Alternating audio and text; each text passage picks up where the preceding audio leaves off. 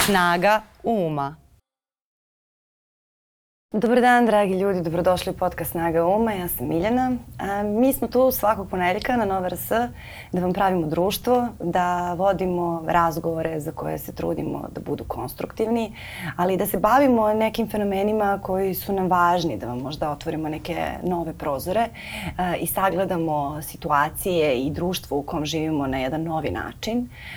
često je to i alternativa onome što se plasira u, u mainstream medijima i nacionalnim visokim frekvencijama, iako bi to možda trebalo da bude prvo što će raditi. E, I baš u svetlu toga e, za današnju temu e, odabrala sam ono što nam je svima poznato kao posttraumatski sindrom ili posttraumatski stresni E, sindrom e, za koji smo svi čuli, e, ali nisam sigurna koliko smo svi u stanju da ga prepoznamo kod sebe, zato što on ne mora uvek da bude uzrokovan nekim akutnim traumatičnim događajem i slično, iako jeste. Može da bude posledica trajnje strepne, strepnje a svi živimo u nekoj vrsti trajnje strepnje. E, imali smo iza sebe mnogo događaja e, koji su bili takvi. Tu ne mislim samo na prethodni maj, e, nego i na prethodnu godinu, na koronu, na sve te stvari kojima smo bombardovani iz medija, na sve te strepnje, neizvesnosti, od posla, od ovoga, od onoga, od političke nesigurnosti. I sad kada je došlo leto, kada možda imamo malo više vremena za sebe, možda nije loše i da se osvrnemo na to kako se osvrnemo osjećamo, da se osvrnemo na to a, kako reagujemo na neke stvari koje su okej a, i da li možda imamo neki prostor za rast. A, tako da mi je mnogo drago što ću danas o svemu ovome razgovarati sa psihoterapeutkinjom a, Anom Petrović. Ana, dobro mi došla. Hvala ti Miljana, bolje te našla. Kako si i kako ti se čini a, ova tema? jako relevantna, jako važna, jako meni lično draga i baš mislim da si jako lepo istakla koliko je nekako e, često naše razumevanje postraumatskog stresnog i sindroma, e, odnosno poremećaja, e, tako da ga vezujemo za jedan izolovan događaj i mislimo da ako nam se dogodila samo to što psiholozi zovu šok trauma, zapravo sledi nam neki takav period. Zanemarujemo možda da zapravo e, život u prolongiranoj neizvesnosti, u nekom stanju straha ili strepnje ili u krajnjoj liniji e, izostanak e, nekih bezbednih e, odnosa, izostanak nekog bezbednog mesta u našem životu ili pak prolongirano neko, neki oblik zlostavljanja može zapravo da izazove e, niz reakcija koje su u spektru posttraumatskog stresa, a ne izgledaju baš onako kako mi to očekujemo. I samim ti mogu da nam promaknu. Zato mislim da je jako važno da pričamo o ovome kao i o tome kako možemo zapravo da rastemo iz toga. E sada, a, poslednja neka kolektivna trauma koja nam se dogodila svakako su bile dve masovne pucnjave početkom maja. E, I život se nekako nastavio dalje, makar se tako čini, ali je moj subjektivni osjećaj da smo svi kolektivno i dalje u žalosti, iako smo nastavili, nastavili dalje. I kada pričam recimo sa prijateljicama koje imaju decu u školama, uh, iako je sada već ono kraj školske godine, ali tu je jeste jedna onako primetna tenzija, mm -hmm. uh, ne znam, nastavnici koji prijavljuju uh, suviše mirnu decu, suviše nemirnu decu, roditelji koji prijavljuju nastavnike, šta god neko kaže, uh, svaki drugi dan razredne strešine su u mup daju neke izjave. Da li je to isto posledica i kako, kako, se, kako se nosimo sa svim Tako team. Kako ne, kako ne. Pod jedan imamo zapravo to što kažeš nekako o, uh, sistemski su se neke stvari izmenile pa samim tim su ne, nastavnici dobili neke nove obaveze uh -huh. Mhm. a, koje zapravo treba da ih čine nekako pozornijim na određena ponašanja. Ali s druge strane imamo zapravo jedan povišen, a, uh, povišeno stanje reaktivnosti u svima nama i u društvu. A, um, ono što nam se de, dogodi nakon kolektivne traume koja najčešće se definiše kao jedan razarajuć događaj sa epicentrom u određenom, određenom konkretnom konkretnom događaju i nekim talasima koji se prenose na, na kolektiv, na zajednicu, na društvo, pa i na svakog od nas individualno. E, time smo zahvaćeni svi i u nekom smislu normalna reakcija u koju ulazimo nakon nečeg što nam je tako fundamentalno dovelo u pitanje bezbednost, e, dovelo u pitanje neke e, postavke života svakodnevne na koje smo navikli, jeste da zapravo smo ili malo pozorniji pa samim tim obraćamo više pažnje, možemo da vidimo pretnje tamo gde nema, možemo da se uhvatimo kao roditelj da lovimo nekako e, sebe u strahu za svoje dete u trenucima kada zapravo po svemu sudeći ono nije ugroženo, zato što smo pozorni. Ili pak da idemo u neke drugačije vrste reakcija gde možemo da ulazimo u neku vrstu utrnulosti, indiferentnosti i neke vrste uh, obamrlosti, tako da ne možemo zapravo da osjećamo da smo prisutni u sobstvenom životu u punim plućima. Uh mhm. -huh. Ja mislim da su to uh, neke od reakcija koje možemo da očekujemo i mislim da smo nekako svi dalje potencijalno u nekoj vrsti kolektivnog postraumatskog stresa. E, kuda ćemo dalje? Naravno, zavisi od svih nas zajedno. A, hajde sada da razložimo e, mm traumatsko iskustvo, kako sve ono može da bude i kakve sve to reakcije mogu da budu i kako nastaju e, ti, ako mogu da kažem, mali postraumatski sindromi, jer to nisu oni postraumatski sindromi e, kakve, kakve proživljavaju ljudi koji su, na primjer, bili na ratištu, ne pa doživjeli tako. teške traume i tako dalje, o kojima i možemo možda da se informišemo, toga ima i u filmovima i, i, slično. Mi smo inače društvo koje primećuje samo te najekstremnije tako je. situacije, a ovo što nam utiče na svakodnevni kvalitet života dok smo zvanično funkcionalni, to nam nekako prođe e, ispod radara, a time bi baš trebalo da se bavimo. Tako je. Sa psihološke perspektive, istorijski gledano, mi zapravo prvi put prepoznajemo nešto što se zove postraumatski stres, pa onda i stresni sindrom, a razlika je postraumatski stres je normalna reakcija na traumatsko iskustvo koje traje najčešće do mesec dana, gde možemo da imamo povišen stepen emocionalne e, disregulacije i reaktivnosti. Ako traje više od mjesec dana, mi govorimo o potencijalnom e, postraumatskom stresnom poremećaju. Pomenut ćemo i to kako njega možemo da isto prepoznamo, zato što postoji još neki kriterijumi. Mi prvi put govorimo o tome u kontekstu Prvog svetskog rata, kada zapravo prvi put, e, ja mislim, medicinski radnici koji rade sa vojnicima prepoznaju ovi ljudi kada kada se vrate iz ugrožavajuće situacije i dalje imaju košmare i dalje neki deo njih ostaje zarobljen u tome što im se dešavalo i dalje ne mogu zapravo da budu u punom smislu funkcionalni, ne osjećaju se bezbedno u sobstvenom okruženju. I većina nekih prikaza i u medijima i na filmu često nam zapravo daje tu vrstu slike. Znaš, nešto tamo mnogo strašno se dešavalo, neka osoba se spasila, ali zapravo neki deo nje možda se nije do kraja oporavio.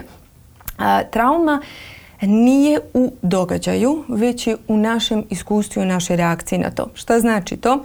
Može to da bude uh, jedan izolovan događaj, Za neke ljude uh, će on zaista biti traumatičan ako us, njihova reakcija na taj događaj zapravo bude iz nekog stanja velike destabilizovanosti. Nekada trauma je ni serijskih malih ponavljanih događaja koji nemaju početak i kraj vremenski, već neko vreme traju i oso, u osobi izazivaju osjećaj da je ugrožena, da nije do kraja na bezbednom i da zapravo na nekom nivou neki deo nje ostaje u stanju preživljavanja. Jer to ima smisla za početak, da nekako kažem, da. Znači nije samo jedan izolovan događaj. Taj jedan izolovan događaj se psihološkim rečnikom zove šok trauma. Um, trauma poput uh, kolektivne traume koje smo imali, na primjer neka vrsta saobraćene nesreće, neka vrsta zemljotresa, vremenske ne, uh, um, da, neka vrsta da. Uh, nepogode koja ima zapravo veze Prirodne sa prirodnom katastrofe, nekodom, da. tako je, a nekada i nešto što je zapravo počinio čovek. Ali je jedno izolovano. Druga varijanta je uh, odnosi, kolegijalni, partnerski, porodični, u kojima zapravo nemamo dovoljno osjećaj bezbednosti, da sebe izrazimo, da dobijemo podršku empatiju, koji su e, nekada obeleženi time da ne postoji ništa što se desilo jednom, pre naglo, pre nekako brzo da bismo mi stavili nas u neko stanje šoka i onda se nekako život nastavio. Nema ništa što možemo da imenujemo, je, nego je trajno stanje. Tako je, bukvalno jedno trajno stanje. Zato su te vrste iskustava i teže za detektovanje. E, ako su počele ranije u našem životu, mi to zovemo u psihologiji razvojnim traumama, koje nisu samo obeležene time e, nužno samo zlostavljanjem ili nečim da je, ne, na primjer, bilo nebezbedno na način da se neko osjeća ugroženo, da li će po svoj fizički integritet, jel? Može da bude reči o tome da smo zapravo, da nam je nečega hronično nedostajalo, ali je e, ishod taj da se naš nervni sistem i naš um i naš unutrašnji svet ne osjećaju do kraja bezbedno da budu prisutni u svom iskustvu i da o tom iskustvu nešto kažu.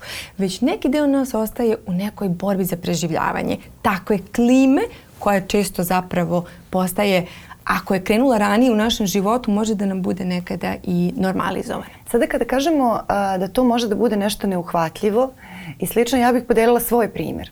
Eh, koji sam zaista prepoznala kada mi je ovdje bio eh, Igor Radosavljević, eh, psihijatar, jer je on govorio o svom iskustvu mobinga u klinici mhm. Laza Lazarević mhm.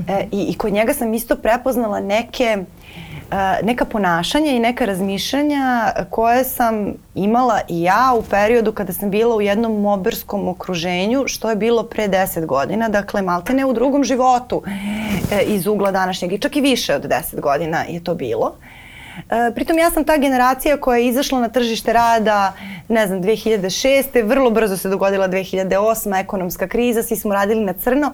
To je bilo jedno trajnje, trajno stanje finansijske neizvesnosti, e, rada bez ugovora, bez nekog e, stabilnog da, odnosa poslovnog i to da. su poslodavci dosta zlupotrebljavali, naročito prema mladim ljudima. I mislim da milenijalci, da moja generacija deli to iskustvo i mi smo danas možda zato toliko skloni i burnoutu i svemu, jer smo počeli u tako jednom neperijetnom stanju eh, i dogodilo mi se da, ne znam, eh, znači ja sada radim u jednom potpuno prijateljskom iskustvu, okruženju u kom se osjećam apsolutno sigurno eh, prema kolegama koji ne samo da imam osjećaj sigurnosti, nego su mi privatno vrlo dragi.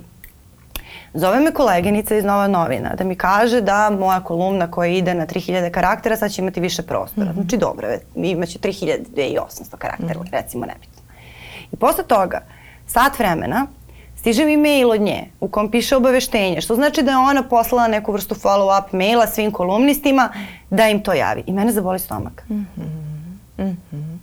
Iako ja znam da je to ona, iako znam da je dobra vest, E, to nije neki bol u stomaku tragičan, to nije mhm. nešto što bih ja i detektovala da sam tog dana dobila 40 mailova na koje sam morala brzo da odgovorim. Mm -hmm. Ali sam ja tog dana bila dovoljno rasterećena da to prepoznam mm -hmm. i onda sam krenula da istražujem i tako sam i došla do ove teme jer uopšte nisam znala da to može da funkcioniše na tako mikronivou. I onda razmišljam šta je sa svim tim kolegama koji dnevno dobijaju 40 mailova i koji 40 puta dnevno sedam dana u nedelji, šest dana u nedelji, zaboli stomak, e to je onda već mm -hmm. Mm -hmm. jedno mhm. stanje stresa koji u suštini Tako je. nije realno osnovan. Ako su svi ti mailovi, to sam htela da, da, da malo popričam o tome, ajde da možda Super, krenemo Ali, o, o, o mobingu. Baš to što si rekla, baš to što mm -hmm. si rekla. Uh, Uh, ja imam reakciju iz nekog stanja da. pretnje. Da. Sad kao dobila sam mail, ok, sad ću, izbacit će iz stana. Znači, to. kako, nema javlja veze sa životom. Misa o tome da. da. sam ugrožena, javlja da. se najčešće senzacija, jer da, je da. naš autonomni nervni sistem uh, jako jako zapravo evolutivno spreman da odgovori na pretnju. Bilo da je ona po naš fizički integritet ili po to psihološki ostaću bez posla, jel? Uh, uhvatiš sebe u reakciji i pitaš se šta je sa mnom, znam gde radim, ovo sad okruženje je bezbedno, otkud ovo? Super je primer zato što je zapravo čest slučaj da je to nekada zapravo bio znak za uzbunu u nekom pređašnjem iskustvu. Su slali te neke mailove ludačke Tako na dnevnom nivou Tako i je. to što nisam, sam to zaboravila. Mhm. Mm kada se mhm. e, dogodi da imamo baš ovo što opisuješ, a To stanje ugroženosti, probat ću jednostavno ovako da objasnim, uh mhm. -huh. zato što je zapravo e, jako dobro da ga uhvatimo i da ga prepoznamo. Nekada kada kažemo stanje ugroženosti, kad pitam ljude se neki deo vas osjeti ugroženo u tom trenutku, oni kažu, ma ne, pa nije tu ništa ugrožavajuće. Da. Ali, ajmo, Zato sam dala primjer. Tako, da. ajmo da, polako. da, da, da. Znači, ako mi se odseku noge, ako imam grč u stomaku, ako odjednom imam misle otpustit će me s posla, pa po svemu sudeći doživljavam neki strah, jel? Po, po sobstvenu neku e, bezbednost i stabilnost u životu. Otkud mi ta reakcija? Prvo dobro pitanje može da bude, a, e, da napomenem i ovo, reakcija može da bude ta koja nekako mobiliše energiju, znači ja sad nešto se dešava, ne, mhm. nešto nekako me hvata me panika od toga, a može da bude i malo suprotna reakcija, osjećam neku vrstu kolapsa, znači nešto se dešava, ja se isključujem, ne mogu, izbegavam, ne mogu da, da uopšte procesuiram. E, I počinjem da osjećam da nekako možda u tom trenutku gubim zapravo životnu energiju, u nekom trenutku odsutan sam ili imam neki ono zone out iz, iz neke situacije. Mm -hmm. Napominjem zato što različito reagujemo na stanje prolongirane uh, ugroženosti u, u prošlosti kada nam se to desi. Mnogo može da bude važno, iako to nije jednostavno, da zastanemo s tim, ok, o, očigledno neki deo mene i dan danas nosi neku vrstu straha. Očigledno taj deo mene možda, iako neki drugi deo mene zna ovo sad i ovdje što se dešava je bezbedno, neki deo mene se vrati u neki trenutak u prošlosti i odjednom imam osjećaj da zapravo je jedan deo mene potpuno ostao u nekom stanju preživljavanja od nekada ranije. To je ono što nam zapravo traumatska iskustva rade. Na neki način mogu da unesu jedan deo nas u stanje pretnje i malo nam nekako unesu čisto neki rascep u iskustvu. Znaš, ja mogu da nastavim ako, apropo mobinga.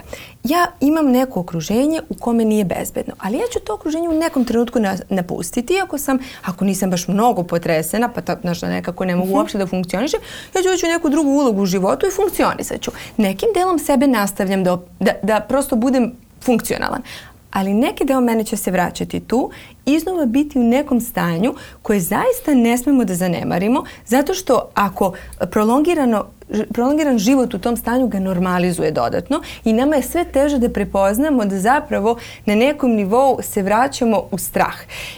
Izlazimo nekim delom sebe, ali zapravo nekim delom ne sasvim. Taj rascep može da zapravo koji, koji je priroda traumatskog iskustva. Nama, će, nama je i ova kolektivna trauma neko vreme destabilizovala osjećaj da smo zapravo potpuno sada i ovde, da svi delovi nas mogu da nastave sa životom. Prolongirano iskustva tek. Ono što je jako važno, ako nam se događa da i u današnjem e, trenutku kada nekako je kontekst drugačiji, imamo osjećaj, ali nisu svi delovi mene nastavili sa životom. Nisu svi delovi mene u kontaktu sa bezbednošću ovog trenutka. Neki delovi mene se vraćaju. Uh, Ja mislim da je mnogo važno da potražimo podršku ako smo u prilici, ako možemo, zato što zapravo se radi o tome da je možda nekom delu nas i dalje potrebna podrška da sada i ovde stvori kapacitet, aha, To je stvarno ostalo u prošlosti, ja mogu da nastavim dalje. I to jeste jedan oblik posttraumatskog stresa koji ne izgleda kao noćna mora košma, da, da, ali da. zapravo je vrlo te onako vratite u, u situaciju opasnosti zapravo. I baš je važno da prepoznamo, čisto da ne bi neki deo nas ostao tamo jer je to naša životna energija koja ostane nekad zarobljena u, u nekom procesu iz prošlosti. Jeste i to se manifestuje kroz taj kao malo bol u želucu da. i reakcija na trigere, ali u stvari verovatno E, na nekom još dodatnom podsvesnom nivou strašno utiče na naše odluke, na to kako oblikujemo Tako. život na tom konkretnom polju. Sad ti dok si govorila, meni samo na pa, pada na pamet koje su sve kolektivne traume Tako. i situacije koje su uh, sa kojima se samo moja generacija nosi. Znači mi smo 90-ih imali rat i nemaštinu. Deca su stajala u redu za brašno nije bilo hrane. Tako je. A, e, neki su a, došli ovde Eh, znači morali su da napuste svoje domove eh, tako je. usred detinjstva. Tako je, tako je, tako to je isto. Tako je, tako je. Eh, bila je ekonomska, ubijen nam je premijer. Tako je. bila je ekonomska kriza u trenutku kad smo izašli na tržište rada pa je opet naša egzistencija bila tako je. Uh, nesigurna. Tako je. Pa se onda dogodila korona. Pa je onda uh, smo izgubili, neko je izgubio sigurnost u zdravstveni sistem, neko je izgubio sigurnost u sobstveni uh, Eh, organizam. Tako. Eh, ne, mnogi su izgubili drage ljude. Pa je onda tu trauma od novih gubitaka, od toga da život može tek tako da ode i tako dalje.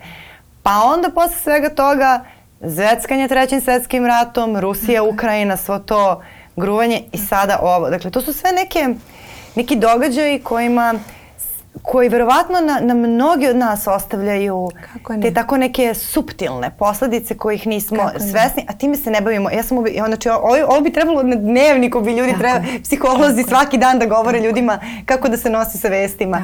Ja inače imam tu teoriju da ne treba novinari da prelistavaju štampu, nego psiholozi i da govore ljudima kako da se nose. Um, dobiješ mhm. to u formi kada nije osvešćeno, imam panične napade zato što se bojim da primjera radi neće biti moguće da se vratimo kući. Ne znam zašto baš vratimo kući. E, Mesecima niz terapiju shvatiš pa zato što jednom zaista nisam mogla da se vratim kući. Da, i jer bombardovanje sam jednom, smo imali čak. Jer sam se da. jednom e, em, emigrirala ili emigrirala i zapravo nije bilo bezbedno nikada više povrata kući. Bombardovanje da ne spominjem kada nam je bila uh, i kada, kada, znaš gde to vidiš? kada se objavi, na primjer, objavila se pandemija ili uh, onog jutra kad je objavljen, e, objavljena vest o početku rata u Ukrajini, ti vidiš na ljude koji odjednom e, reaguju kao da se rad dešava ovde ili moja, moja drugarica koja odlazi da se snabde nekim grejalicama zato što već nekako je u stanju preživljavanja e, moji prijatelji koji se pitaju gde je taj rad, koliko je to daleko koliko to brzo može doći do nas da razmišljam e, gde će da beže razmišljam gde će da beže da, da. E, fight or flight, znaš ako ne mogu s tom pretnjom moram da pobegnem od nje kroz te e, naše reakcije možemo da hvatamo zapravo nešto što ja mislim, jako važno zato što mi ako smo mi na Balkanu, ako smo preživeli, znaš, nije se desilo. Ako smo preživeli svi članovi porodice, kakva trauma o čemu mi pričamo? Trauma nije e, nestala ako smo mi preživeli i naprotiv, da bismo zapravo mogli da se u potpunosti kao društvo i kao zajednice i kao individue oporavljamo od takvih situacija, baš je važno hvatati i sebe u tim reakcijama i učiti da zapravo sebe umirimo i sebe regulišemo i tom delu sebe koji zapravo uđe u to, znaš, nekako stanje panike, otkud meni ovo, zapravo da mu damo neku vrstu pažnje ako ne možemo to sami da tražimo podršku. Često ćeš u strahu koji probija u snu, u paničnom napadu, u ovome, u onome, zapravo kod ljudi naći nekada je nešto u iskustvu zaista bilo ugrožavajuće i sada postoje iskustva koje mogu da mi pokrenu tu reakciju. Ali je to nekad nedostupno potpuno našoj svesti. Zato nam treba podrška, zato kažem ne možemo to svi sami.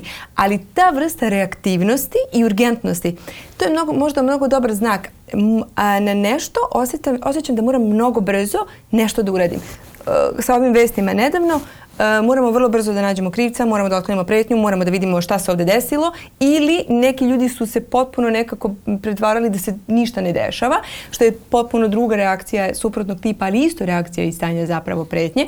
E, vrlo naglo menja se moje stanje e, i naša svako, moja svakodnevnica se menja kao reakcija na neki događaj.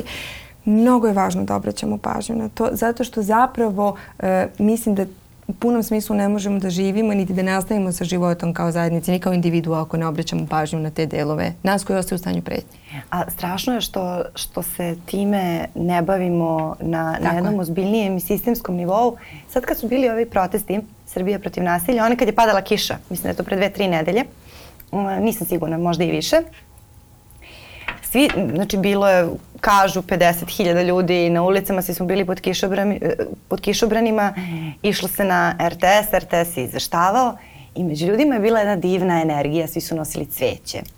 Subjektivan, subjektivan osjećaj je da smo nikad bezbedniji, mm. jer ne se kao prvo mnogo, ne može mm. nam hmm. fizički niko ništa. Mm.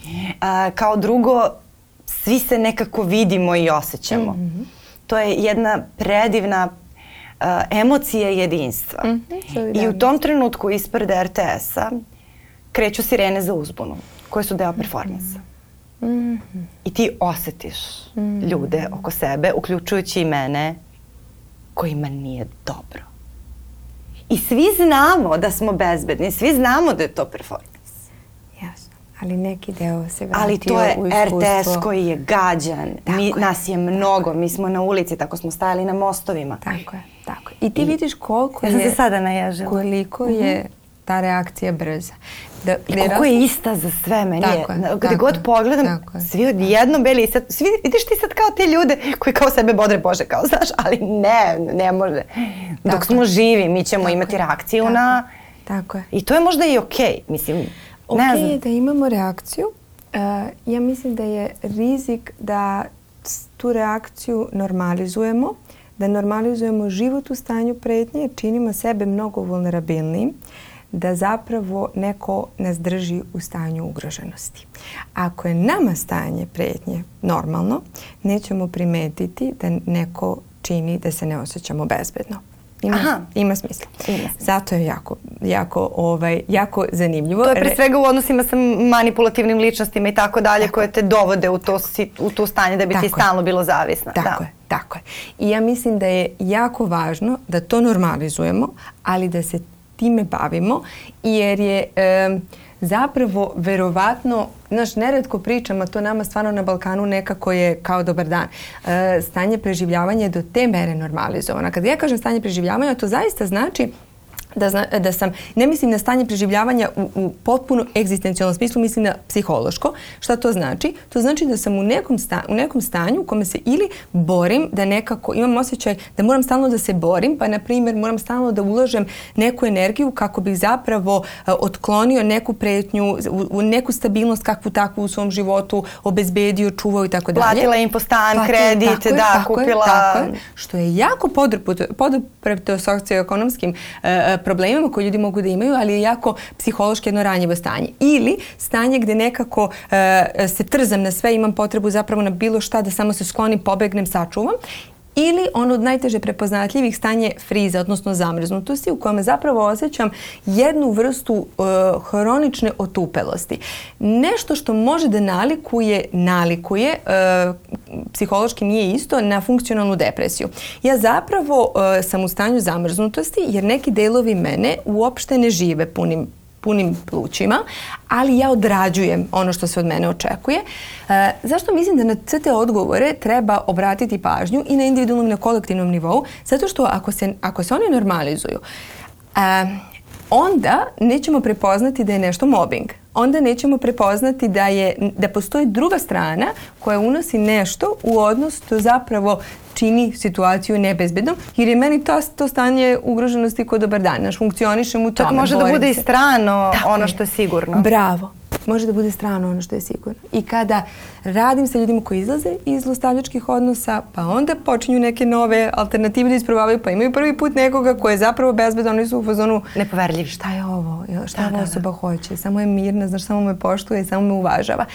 To je druga, druga, e, drugi oblik toga. E, e, zato je ovo je, ne želim da pojednostavljam rad sa, sa traumatskim iskustvima, je ozbiljan rad, ali zato je zapravo učiti o tome, informisati se i informisati stručnjake, kako si ti lepo pre, prepoznala, pričati o ovome sa nastavnicima, pričati o e, sa zdravstvenim osobljem, e, osobljem u e, zdravstvenom sistemu, kako se prepoznaju uopšte da nešto možda od reakcije kod osobe ima veze sa, sa nekim reakcijom na pretnju ja bih jako volila kada bi ovom temom zaista se pozabavio RTS i to ne u jednoj emisiji nego u nekom serijalu koji bi trajao pet godina ako je moguće jer stvarno mislim da nam to treba Absolut. iz toliko razloga e, da imamo sedam ili deset generacija koje imaju kao prvo svoje te kolektivne Tako. traume sa kojima se nikada nisu uh, Tako. nosile i, i da je to stvarno ne, nešto što, što može da se reši, da to nisu, Tako je, ali nisu toliko veliki Tako. problemi koliko,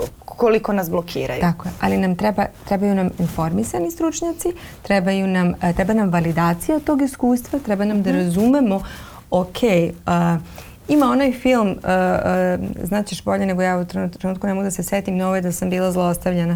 Uh, e, ne mogu da setim koga je radio naš mhm. dokumentarni da, film. Da. Novo je da sam bila zlostavljena. Šta to znači? Dok je to trajalo, ja sam bila u nekom iskustvu za koje zapravo nisam ni znala šta mi se dešava. Trenutku na terapiji kad ja počinjem da prepoznajem ček, ček, ček, ovo je bilo nešto što apsolutno nije bilo okej, okay, što je bilo ugrožavajuće. Ja sam bila u, u stanju ono, grču u želucu, kamena, knedla u grlu, ne smem da izgovorim, u grču sam tenziji. Zapravo, e, novo je kada iz one pozicije, kada zapravo počnem da osjećam, mogu da pogledam u tu i da vidim o Bože šta sam ja prošla ili prošla, jel? Da. A kod nas nekada e, to ni na kolektivnom nivou ne dođe. Meni je mnogo drago što se o ovoj kolektivnoj traumi pričalo i ovoliko govorilo, zato što zajednice koje se zapravo oporave moraju prvo da validiraju ovo nam se stvarno desilo i mi smo svi u ovome stvarno zajedno i negde možemo, sad nam treba u periodu oporavka da zapravo iz ovog stanja šoka i stresa se osetimo solidarno, zato su meni drage sve inicijative u kojima vidimo mnogo ljudi udruženih zajedno u nečemu što zapravo deluje stvarno nekako kao melem za, za, za društvo koje zapravo je sa toliko, sa toliko pređašnjih neintegrisanih trauma. Znači, pomenula si uh, tu, tu reakciju koja je veoma specifična uh, kod ljudi koji su morali da napuste svoje domove kad su, kad su bili mladi, koji kasnije u zrelom dobu imaju maltene strah od putovanja ili od toga Tako. jer imaju ošće da se nikad neće vratiti kući. Tako. Uh, možda ga čak i ne prepoznaju tako, samo imaju neki neprijatan tako je, tako. Uh, osjećaj. Uh, pomenuli smo tu finansijsku anksioznost, taj strah od gubitka finansijskog tako. tla pod nogama. Od, mislim imamo tu i te političke traume, taj hroničan strah od političkih neizvesnosti, medijske traume, strah od laganja, tako. od spinova, od svega toga.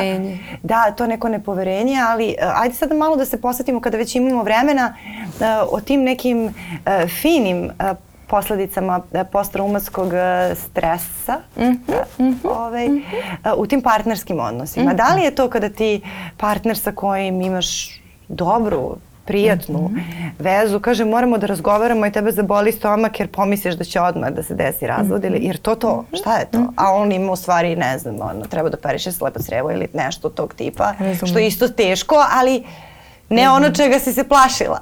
razumem, razumem. Um, ja mislim i malo pre kad si govorila, znaš, koliko je um, koliko te, te, te, te serijske kolektivne traume koje nažalost su nam se izdešavale, koliko su vodile i tom jednom nepoverenju u dobro u životu, nepoverenju u zapravo život, da život može da donese nešto dobro. Ja bih rekla da sa mnogim ljudima sa kojima radim, makar sa, ove, sa ovog e, regiona, iz ovog regiona zapravo kada im se dešava nešto dobro, oni postaju zapravo na jedan izvestan način nepoverljivi i postaju zapravo uh, uplašeni. Um, ja bih rekla da nekada može da se radi u takvim situacijama o tome, ali šire shvaćeno, E, najkompleksniji oblik trauma za zapravo prorodu jesu relacione traume, odnosno ono što nosimo iz odnosa ako je jedan izolovan događaj, lakše je neko ako zapravo je moje detinjstvo obeleženo jednom klimom koja je vodila tome da me neko zanemaruje moje potrebe, da ja ne smem da kažem kako se osjećam, da ne mogu da računam na razumevanje, da se osjećam viđeno i tako dalje. Počevši od toga, pa onda, a svi mi sve to i svu tu svoju unutrašnju decu unosimo na jedan najranjiviji način, baš u partnerske odnose, uh, počevši od toga, pa do toga da nam se zapravo u partnerskom odnosu može desiti iskustvo u kome se ne osjećamo bezbedno, šta to znači, može se desiti da na izvestan način neka od onako najtipičnijih ponašanja su, na primer, e, imamo s druge strane nekoga ko e, sumnja u naš doživljaj realnosti ili konstantno propituje da li to da se ti zaista tako osjećaš ili ti meni nešto sad tu radiš ili naš nemoj da budeš preosetljiva ili na izvestan način izvrće naše reči kako bi zapravo nekako, e, e, nekako, nekako pobedio u, toj nekoj, e, u tom nekom ratu za moć. Ja mislim da zapravo takvi aspekti, takve klime mogu svima nama i to je normalno da izazovu jedan osjećaj uh, Pa ja ono mislim, to, to su traumatska iskustva potencijalno. Psiholozi neće reći da je jedno traumatsko iskustvo traumatsko a priori, osim onih nekih velikih, da. ali definitivno nastavljaju stanje, što kod da nastavljaju stanje, da nekako nismo sigurni. Um, da li je bezbedno, da li je sigurno da kažem, da li je okej okay da osjećam ovo što osjećam, da li je okej okay ovo ko sam ja. E, svako od nas može sa jednom zdravom merom samokritičnosti da pristupa životu, ali velika je razlika ako konstantno prepitujem svoje pravo da osjećam, da budem ono što ja jesam i tako dalje i tako dalje.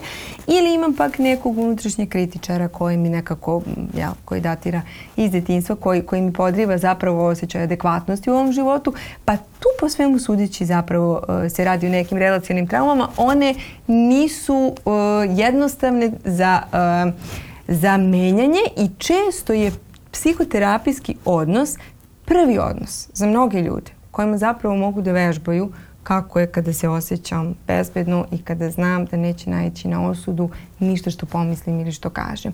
A tek uz ta korektivna iskustva možemo zapravo iz nekog novog mesta i sami da brinemo za sebe i da onda i biramo neke bolje odnose to ima smisla. Ima smisla, apsolutno. I sad, pre nego što pređemo na taj e, postraumatski rast, mhm. kojim bih voljela da se pozabavimo zato što je na neki način rešenje, htela sam da te pitam da li bi onda dobar savet uh -hmm. opšte prakse e, ljudima koji sada su na odmoru ili idu na odmor, bilo da je to neko more ili bilo kakva vrsta izmeštanja. Da. Dakle, odmor jeste neka faza sigurnosti koju smo sebi obezbedili ovaj, koju smo zaslužili. E, da li je preporuka da uoče Aha. nervozu u situaciji u kojoj ona nema razlog, jer ako sediš na plaži, ti ne treba da brineš o parama uh, ili o poslu koji te čeka ili ako si kod kuće i tako dalje ili o razvodu dok sediš sa partnerom pored mora i lepo ti je da ne znam, to možda zapišu Tako. pa da se time pozabave da ne zaborave u tim malim situacijama. To je dobar savet. E, ako e, primetimo da na odmoru ne možemo da budemo prisutni u sadašnjem trenutku, nego da nas konstantno misli vraćaju na nešto, e, što jako često svako od nas je, živi jednim tempom koji je daleko od preporučljivog najčešće i daleko od toga da je pa zapravo... A i životom koji je daleko od preporučljivog. Neka sam ovo izgovorila. Ovo, većina nas živi, živi ovaj život koji nije preporučio. Ali ove šal se stranu, ta neka svakodnevnica, mislim i malo ko može da sebi priušti da zapravo živi tempom koji, koji želi da je zapravo tu dovoljno. Eh, a, a taj tempo i ubrzavanje su stvarno mnogo važni zato što eh, naše telo u stanju ubrzanosti eh, re, interpretira ono što nam se dešava kao stres i može jako lako da interpretira da postoji neki alarm, nešto, nešto nešto na što treba biti, uh, znaš, spreman. Uh mhm. -huh. E, a svi živimo brže nego što ja mislim da nam sasvim prija i nemamo vremena, tako da ako primetimo da nek onom trenutku kad zapravo možda damo sebi vremena, um, damo sebi samo vremena makar u tom trenutku, na toj plaži ili gde god da smo, da samo tih ono, koliko sati ili tog jednog dana ili nekoliko dana možemo da imamo vremena i onda imamo neki deo nas koji se opire tome. Svakako je jedan deo normalan, treba će nam neki period adaptacije e, ako smo prešli u drugu brzinu, uh mhm. -huh. ali ako nastavi nekako da nas opterećuje, zaista jeste e, od izuzetne važnosti da zapravo obratimo pažnju na to koji deo mene zapravo ne može da bude prisutan u ovom iskustvu sada i ovde i šta je s tim delom mene, gde je, on, gde, gde je u kom kontekstu, u kojim mislima. E, jasno je da ne postoji jedan recept za sve, ali prosto možda ja ću uvek e, preporučiti da tam, tom delu ne kažem aj skloni se, pusti me na miru jer to najčešće ne upali, odnosno bilo kom delu sebe da kažemo skloni se i pusti me na miru, neće verovatno upaliti.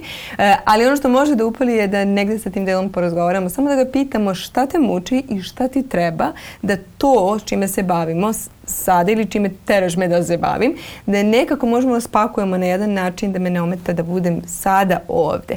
Da znaš da neću zaboraviti, ali da ne moramo sada. Nekada kao sa nekim unutrašnjim detetom da razgovaraš. Mhm. Ima smisla. Uh, I sada uh, volela bih kako i privodim ovaj razgovor kraju da, da se osvrnemo na taj postonomatski rast. Dakle, šta se dešava onda kada prepoznamo te da. finese koje da. nas ovaj, koje nas uznemiravaju, ali i kada rešimo da izrastemo iz neke traume koja je jasna zato što je posledica nečega što je svima jasno da, da. da je trauma. Da. E, mnogo važna tema kojom se istraživači i ljudi koji se bave traumom bave prethodnih decenija jeste taj takozvani posttraumatski rast. E, E, Postumatski rast daje jednu nadu da zapravo niko od nas ne mora da ostane zarobljen u iskustvu, niti obeležen, niti nekako određen iskustvom traume koje nam se desilo, već da zapravo iz njega može čak i nešto dobro da nastane. Da bi se to desilo, e, jako je važno često ljudi, na primjer, žele da ubrzaju, preskoče, znaš, žele, želeli bi da nekako im bude što pre dobro, da nekako e, napustio sam neki odnos koji nije bio nebezbedan, traumatizujući za mene, sad hoću što pre da zapravo da nastavim sa životom. Ali imam osjećaj kao da jedan deo mene vučem u to, jel? Tako da nam treba vremena i treba nam zapravo da stvarno svi delovi nas osete spremnost da nekako uh, budu danas tu otvoreni za stvarnost koja može da donese nešto novo što nije retraumatiz retraumatizujuće. Da bi do toga došlo, često nam je potrebna psihoterapijska podrška, ali ako je dobijemo ili ako neki način imamo dovoljno resursa, solidarnosti, zajednicu koja brine o nama, koja može zaista da nas poneguje na način da kaže e, ok, je, kapiram da ti se ovo desilo, validacija je jako važna, kapiram da je ovo bilo tvoje iskustvo. Ja mogu da imam neku drugačiju misl o tom iskustvu, to je tvoje iskustvo, jako je važno da je tako. Tu sam za tebe i možem, ostaću tu za tebe i možemo nekako dalje zajedno. Sa tim zaceljenjem tog dela koji zapravo je e, bio preplašen, ulazi u bespomoćnost, osjeća ugroženost, osjeća da nema, nema šta da uradi, mi možemo zapravo da učimo da njemu pomognemo i da sami u nekoj regulaciji sa sobom zapravo postajemo bogatiji za to iskustvo, znam vrlo dobro kako je biti na mestu bez pomoćnosti i onda se iz tog mesta oporaviti. Postrumatski rast često ljudi e, često ljude vodi tome da propituju svoj osjećaj svrhe i smisla. Ako mi se desilo nešto što mi je nekako bilo pomerilo neke fundamentalne temelje u životu, ja mogu da se zapitam uh, kako da sada iz ovoga uh, kako da ovo predočimo, ovu emotivnu bolu neke osjećaj svrhe.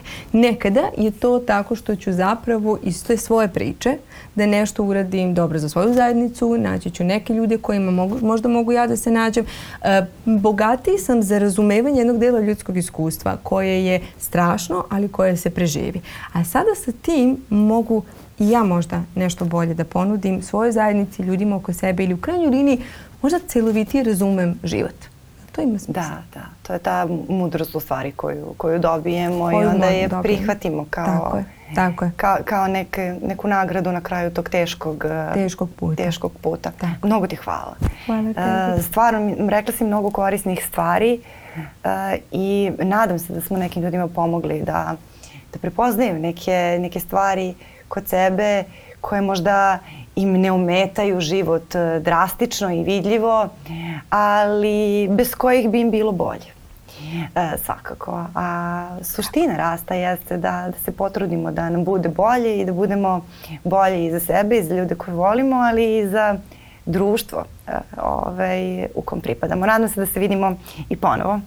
I ja. Hvala ti. Hvala i vama. Tu smo i sledećeg ponedeljka na Nova RS. Prijetno. Thank you.